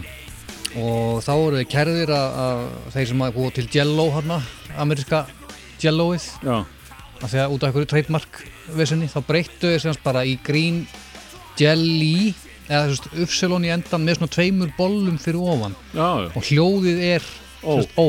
Þannig að í rauninni breytist ekkert framburðurinn Uh, ég man eftir myndbandinu sem var svona, svona úr leiri það ekki? Jó, leir og, og þá var hérna grísirni voru að fá sér í jónu Já. og þetta var svona eitthvað grín svona.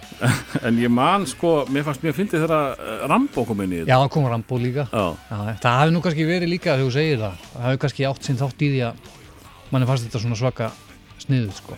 en þú veist, lægið er ógalið þetta hefði alveg geta þannig sé verið á hvað hitt platan hvað hitt bíómyndin með öllum lögunum sem að rappararnir og rockarnir voru að Judgment Night. Judgment Night, já, Já. þetta hefði þa- þannig sé alveg geta verið á þeirri plötu eða eitthvað sko. einmitt. veist, hérna, þetta var sumar 93 En þið fáið ekki meira þessu hér en uh, það er bara að leita þetta uppi á, á interwebnum Three Little Pigs, Green Jello eða Jelly með Ypsiloni uh, og enn og aftur ertu að rokka í uh, stefnum. Já, heldur betur núna, nú ferðu bara úr einhverjum uh, ljótum háaða í, yfir í fegurðina. Yfir í fegurna, já, við förum yfir í uh, reggi, það er svona dancehall uh, reggi, setni tíma Hérna dancehall er. Rambo. Já, já, Þetta er stórsniðt Já, þannig að koma með hrískotabissinu Við erum að lýsa vídjónu Já, ok Þetta var gott vídeo, sko. Sko, ég man að þú, þú, þú fórst aðeins í raggið líka í áttunni og Já. þar varstu með, sko, Someone Loves You Honey Já, sem mér finnst mjög svipa þessu lagi.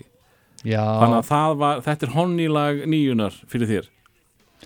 Uh, No, no, no. Ég Þú ert ekki sammála mér? Nei, sko ég, ég hafði alltaf hérna, ég hef alltaf haft eitthvað svona mjög sterkar reggi Mm. tögjum bara frá því ég var krakki sko. Og hérna og ég veit eiginlega ekkert af hverju sko. En reggi var kannski ekki, þú veist það var ekkert mjög heitt að ná þessum Nei, það Tíma, var sko. margulegu búið, sko. Já, en þetta, þetta er sérst söngkonan Dawn Penn sem er auðvitað frá Jamaica bara eins og allir sannir reggi menn eru sko og konur.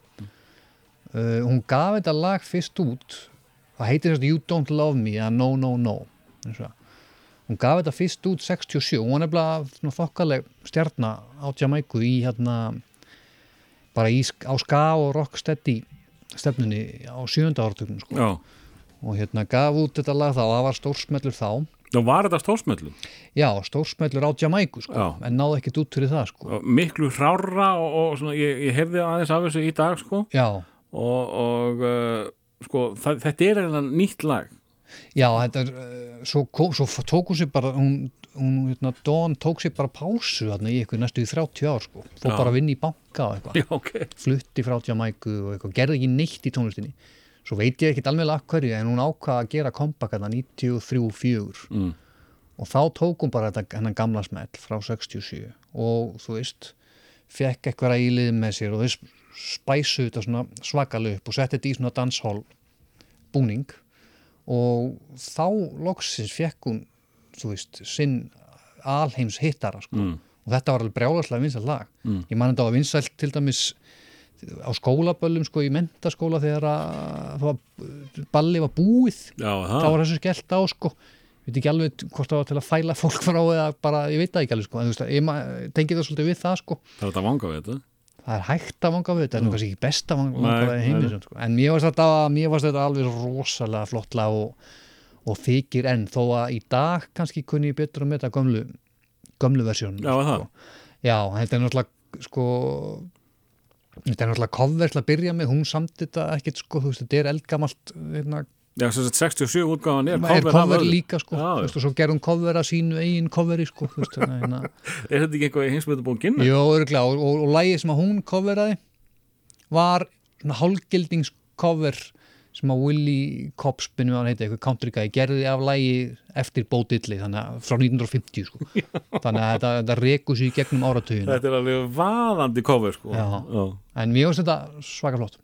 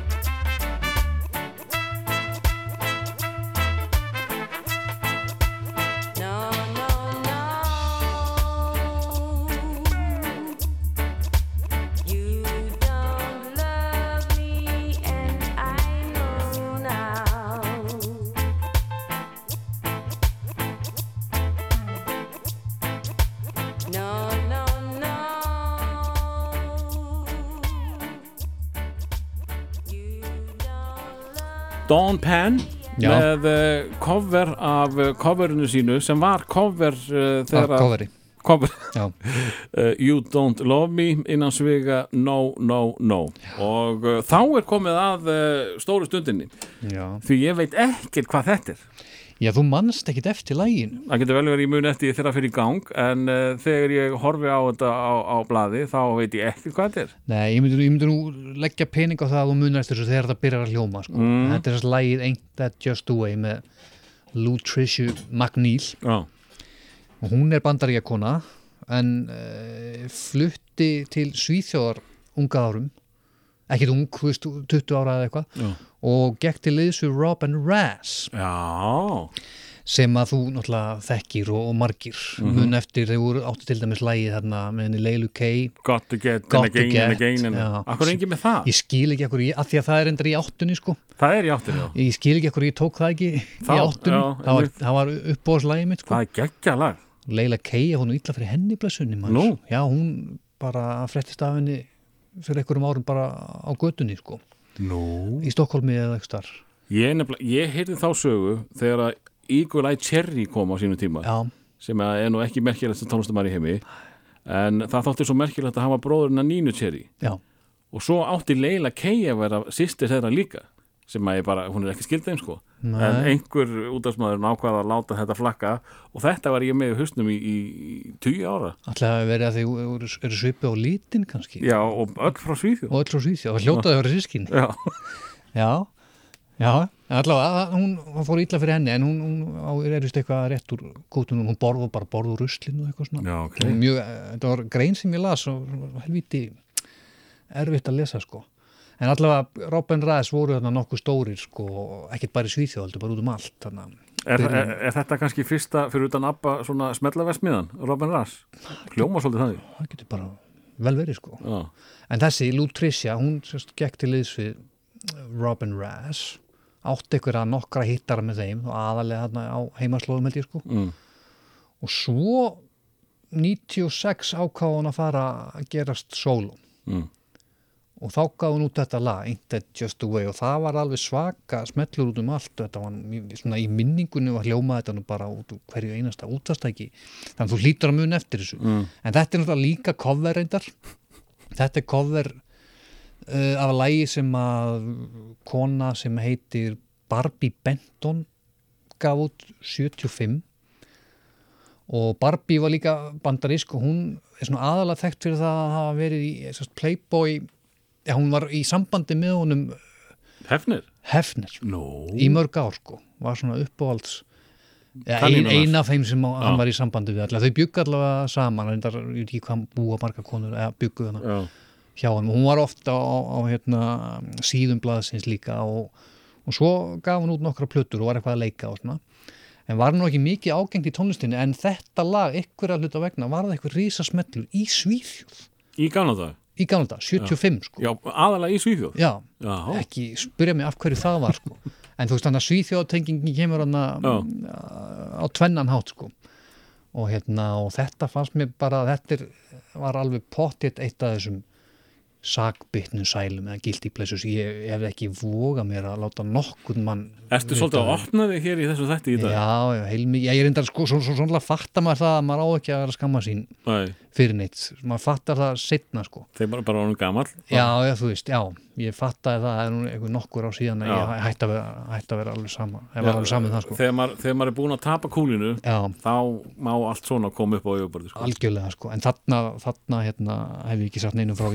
eftir, ég líka man eftir þessu læja þegar ég var í útskutaferðinu minni í Kvennó. Já, síðasta kvöldið og satt á einhverjum bari vorum að spila púl og hvað var það? í Bísa þetta. og auðvitað. Og drekka bjór og eitthvað bara svona róli heitur sko og eitthvað alltaf vegna á, komið þetta lag í útvarpinu eða í grjúbóksinu og talaði einhvern veginn textin í viðlæginu til mín eitthvað, þetta var eitthvað tímamót og ég vissi ekki alveg hvað ég var að fara að gera þú veist, búin í skólanum og bla bla bla og eitthvað svona melancholy eftir eitthvað tvær vikur og fyllir í á Íbísa sko og þetta er svona eitthvað svona eina af þessum skrýtnu stundum sem eitthvað vegna svona grafast í minni sko, ég ætla að þetta lag talaði til mín þá viðlagi þar sé eitthvað svona eitthvað að vanga veltur um lífið og tilvöruna sko. En mér finnst lagið alveg hérna fínt í dag. Ég hlakka alltaf að heyra hvort þú munur ekki eftir þessu. Lutricia McNeil Já. Ain't That Just The Way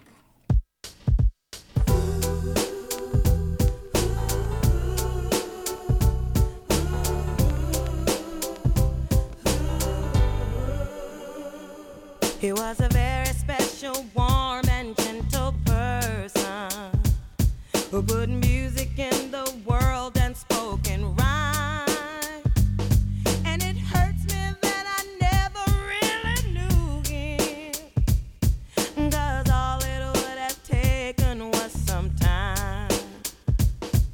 know, he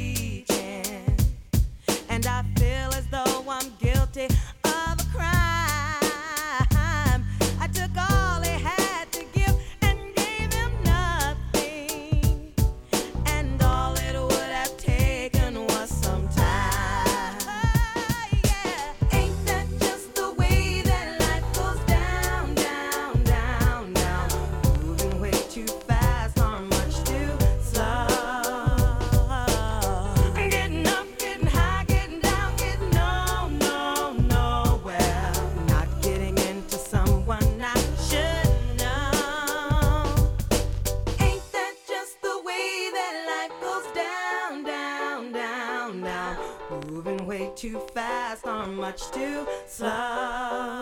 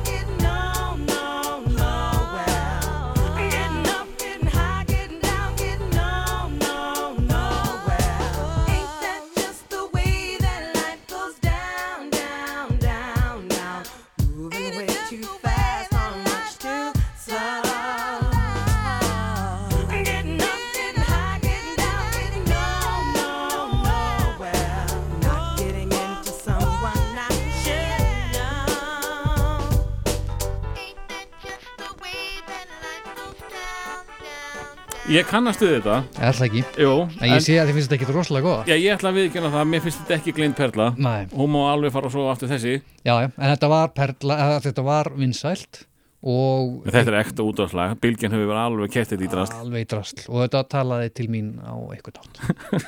Þannig að þetta, gild, þetta, þetta gildir. Já, uh, svo er það sko þarna, þarna hittur mig beint í mark í, í, í næsta kvæði. Já, og þetta var gífulega vinsalt hérna allan í höfuborginni þetta er, þetta er uh, Kitty Kanina. Hann á þetta svolítið. Já, að, að sem sagt, promóta, Já, hann kom þessum uh, samplutum sínum inn á Exið. Já, og uh, vantarlega Þossi sem að hefur valið úr það besta. Mhm, og f- svona þarna fættist svolítið þessi uh, big beat menning uh, Íslendinga já, algjörlega, já.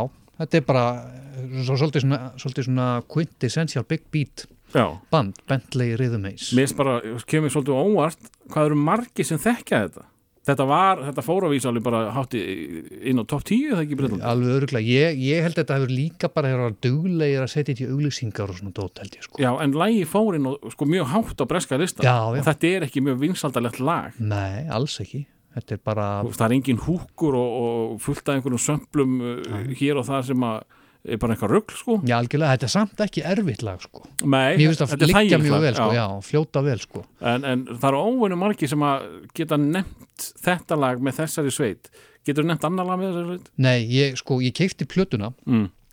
svolítið finn þú skilja minnast á þetta þegar ég, það hefði bara verið tilvíðum sem reyði því, ég, ég heyrði að þessu bandi öruglega áður en að ég heyrði nokkuð tíman eitthvað með þeim sko. Já, þá var ég að lesa eitt af þessum eh, tímaritum eða blöðum, Melody Maker eða Select eða eitthvað. Og þá var sagt einhver af Beastie Boys að dásama þessa grúpu. Já, að tala um, þú veist, hérna, þeir, hefðu, þeir voru alltaf mikið í Englandi sko, tala um Bentley Rhythmis, eitthvað, eitthvað, eitthvað dúó frá Birmingham sem að þeir eiga geggja lag hérna, Bentley skona fuck you up eða eitthvað, þá rugglaðist hann sko, lagi heiti Bentley skona sort you out. Já. og þá varð ég áhugasamur. Og svo gáði þér út plötuna og hérna myndin framan á plötuminslæðinu er tekin á Íslandi. Já, Sérst, myndin er tekin á laugaveginum. Á af- laugavegin Já, af skilti utan á, utan á hérna eða var það ekki bara semst, verslunin Brás, ég held að hún selt bara eitthvað svona tísku eða snirtifur eða eitthvað Já. verslunin Brá á lögu við að stóð bara Brá, mm. veist, Bentley, Rhythm. Ace bara hérna skamstöfunin sko og sást þarna í landsbankan á lögu við 77 eða hvað það er og og einhver aðra búður svona, þannig að maður, þú veist, manni fannst þetta alltaf svolítið sniðut sko, Já, um- að, hérna, ég veit ekki hvort þeir kominga að spila Þeir spiluðu í tunglinu já, þá hefði vantilega tekið myndina bara Nei, Þá. Því þetta verður örugglega verið eftir það verður eftir. En, en sko, getur vel, þetta er náttúrulega lag eh, varð vinsalt á exinu. Eins og annar lag sem að er vonast að muna hvað heitir það, sko, það er svona 30 stafir í röð techno, hip-hop, dilli, dilli, billi, bí, bí, bí uh, sem var svona rosalega læt í því lagi. Ég, man, ég get ekki sungið fyrir því, ég já, ok en það voru tvö lög mjög vinsæl uh, hérna heima. Já, og mögulega komið þá og heldur tónleika. Og platan hafa komið síðar, ég þekki ekki alveg söguna en ég veit allan að ég held ég hafa með sér séð þá og það var auglýst þannig að EMF átti að vera með þarna líka já það, einhver úr IMF var eitthvað að vinna með þeim sko já, en ég held að hann hafi ekkert komið sko. nei, nei, nei, nei. og það átti að vera flirri held ég stórir artistar eh, með eh, í, í þessu partíi sem að Bentley uh, spiluð á og ég held að hafa sko, hvort að þeir hafi komið eða úst, það vanda allan helmingina því sem var auglýst sko. já, já, en hörku, hörku gig sko. eins og reyndar gerðist mjög oft þá var auðlýst eitthvað og svo Já. var bara eitthvað allt annað á bóstólum nákvæmlega En já, mér fannst þetta rosalega gott og skemmtilegt. Ég var svona svolítið setna að ná að meðtaka þú veist, hás hérna, bara, eða danstónlist bara mm. þú veist, eins og þetta, þetta, sem Big Beat bylgja hérna, sko, ég kolfjall alveg fyrir þessu, sko þetta, þetta, þetta er örugglega eitthvað sem að getur mögulega leitt rockari inn í disco sko. Já, bara eitt, það er einhvers svona rock element þetta er náttúrulega miljón sampl og og örugglega einhver svona rock sampl í þessu líka, ég veit það ekki Ég veit ekkert hvað er samplað þannig, ég eftir að keikja þetta á Who Sampled. Who, en, en hvað sem það er, þá er það rosalega gott, af því að mér finnst þetta lag e, veist, það liggur svakalega vel, þetta er Mm. afskaplega cool lag, finnst mér, sko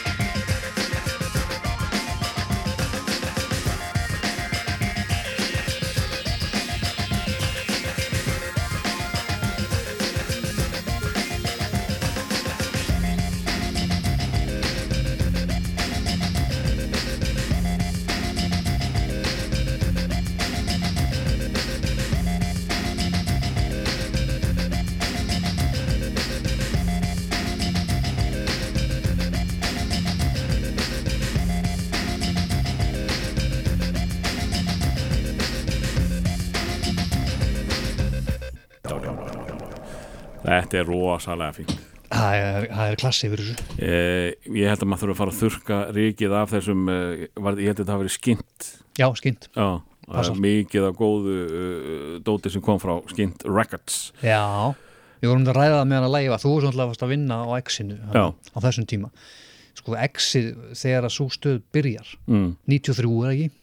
Ég bara, jú, eitthvað Ég svo held að það hef verið, þá, þá bara breytist ansi margt af því að þú veist, X-ið var ekki hrætt við að spila eitthvað ákveðna tegundur af músík sko, það æði öllu saman eitthvað, Mhm. sko, svo lengi sem að var eitthvað varið í það sko, það var bara frábært uh, stöð lengi frá hann og, og sérþættinni voru sko, þeir voru svo svaka, þeir fóru svo rosalega djúft sko. Já, og þarna var húst drum and bass þáttur, þarna var funk þáttur Þossa sem að mér var náttúrulega bara besta útasetni í heimi sko. já, Chronic. Krónikin var þarna og, og, en samt sko, við vorum að spila kannski á playlista drum and bass lag Já, og Spice Girls. Einmitt. Þannig, það er svona radio sem ég kann að með Já, ég líka. Svo Ég þegar meira kom og kifti þetta drast Já, og breytti sér country stöð já, það, ég var svo brjálaður. Ég var reygin fyrir að spila ekki playlista. Já, já enda, síðasta lagi sko, það sem að fyllti mælin hjá Þósa var þegar ég spilaði eitthvað hérna, drum and bass lag eh, Starburst sem að mér fannst svo geggjað. Uh, og þá sagði Þóstið bara herru þú þarft ekki að koma á morgun. Og ég hugsaði fyrst sko, yes, ég fæ frí á morgun hann þurfti að útskýra þetta betur fyrir mér. Drekin Já, það var, var þossi svona hundtryggur hérna, nei, annars hefði hann bara farið sko. Já, já, já, Það, þarna var bara, sko, við vorum með playlista sem við svona unnum út, sko, þá var náttúrulega allt spilað að geitlæti, sko, hérna er þetta allt í tölvu og, lagi kemur tilbúið næst. Já, Eh, þarna var sem sagt eh, ákveðin listi, eh, kannski tíu lög á klukkutíma og maður átt að taka sem mest á hann. Og það var ekkert sagt að maður tók kannski þrjú, fjögur, fimm en ef maður tók ekkert á honum þá var kannski aðeins var því. En En- þetta var svona þitt statement. Já, Þitt Fuck- svona Jimi Hendrix. Já, þitt Jimi Hendrix að spila bandarska þjóðsöngin já. á Woodstock. Þitt moment. Saga Communication, uh, þið getið skít, sagði ég sko. Já, var Bob Murray eitthvað á þeirra vegum? Nei, uh, jú kannski. Nei, Bob Murray, nei, það hann var fyrr.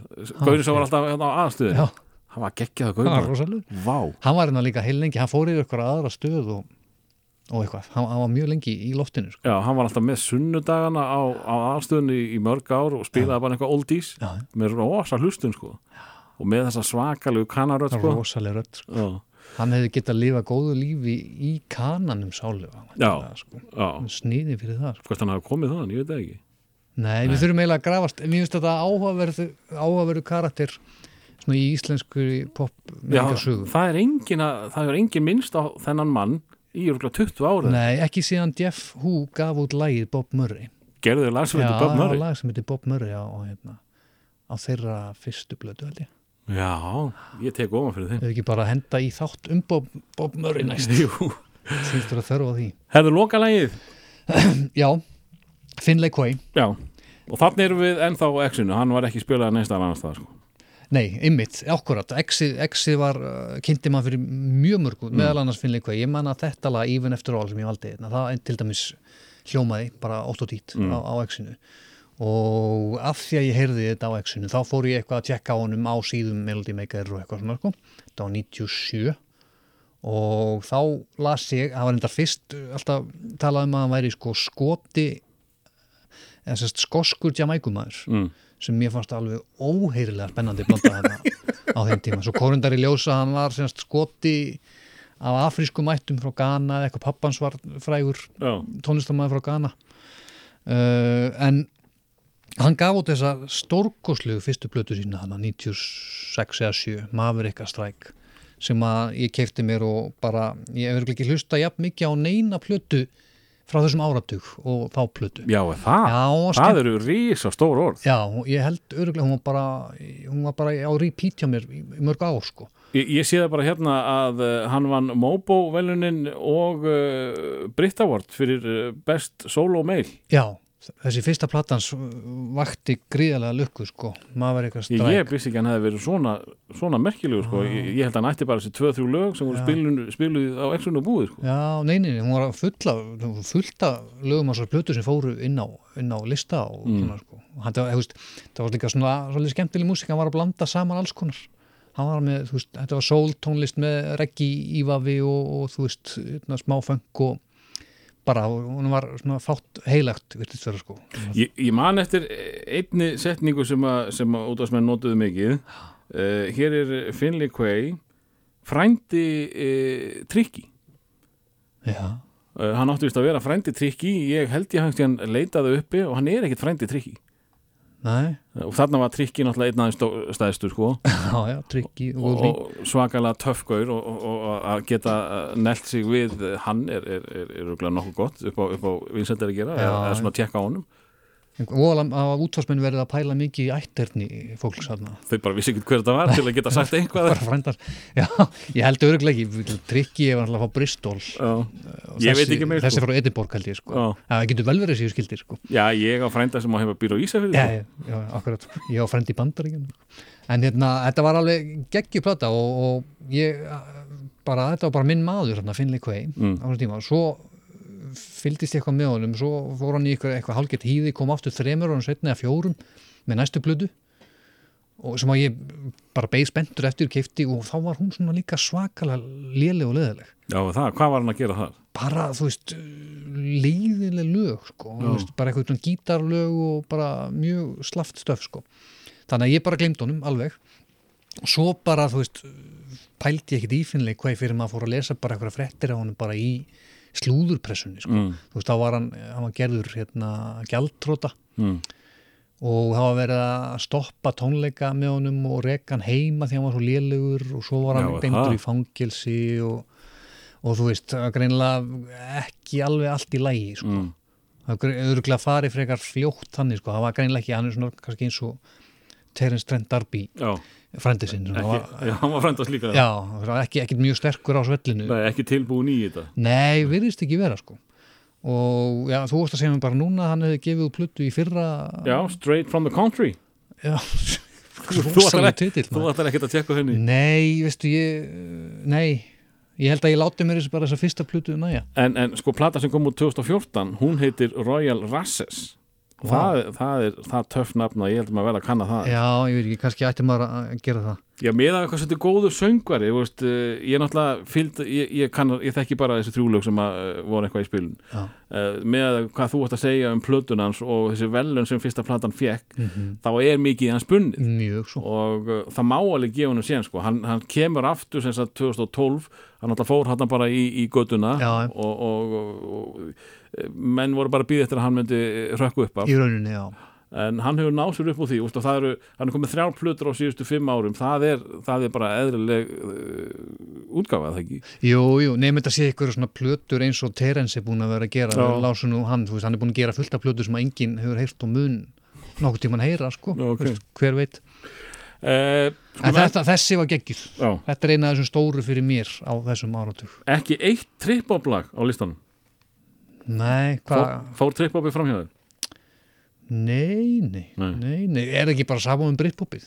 Jú. Góðulögin voru stórkostlega að lifa ekki, enn og... að vísu ekki það nóg til að geggjuðu trippopi sem að náða aldrei allir Það ekki. En uh, við ætlum að enda sum sé á Finley Quay og ég mæli með því, ég ætla að gera það að fara að skoða þessa plötu betur, hvað sá hún héti? Uh, ekki, Roy- já, Straight from the Country Nei, fyrsta platan Já, fyrsta plata, já, Maverick a Strike Aha. frá 96 eða 7 Kjartan Guðmundsson, uh, popfræðingur takk kærlega fyrir að vera fyrsti gesturinn í nýjunni. Já, takk fyrir mig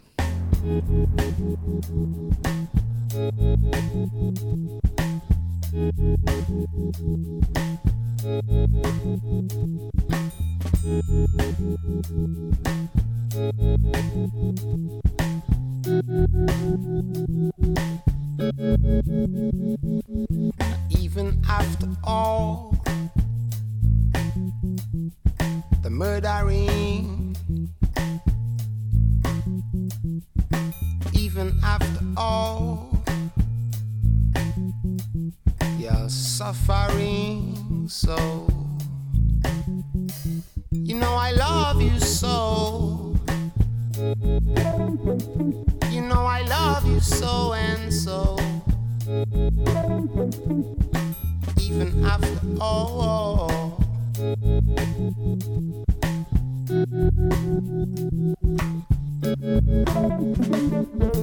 I'll let you go on, sir, is the order of the day.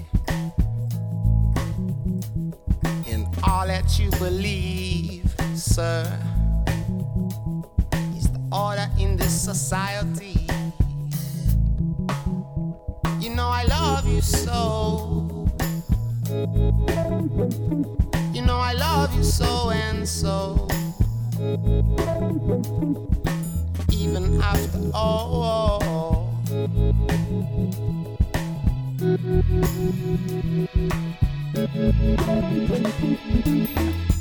This is my money, y'all. Man just feels satisfied.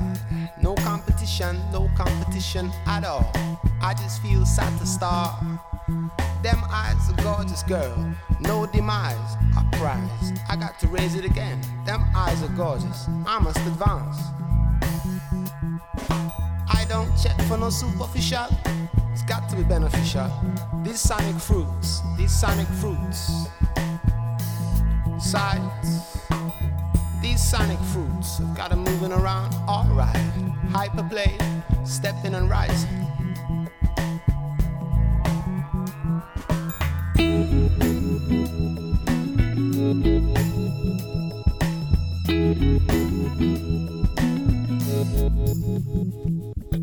Even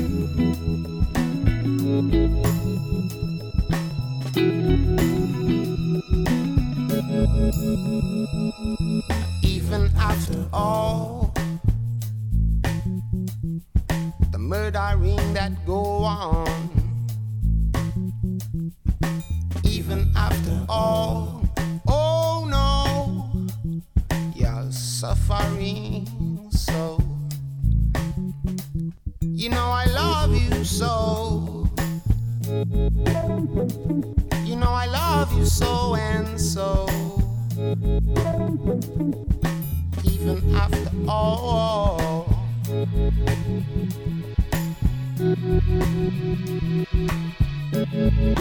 You just survived, soldier. Mhm. And your soul is beautiful. And your soul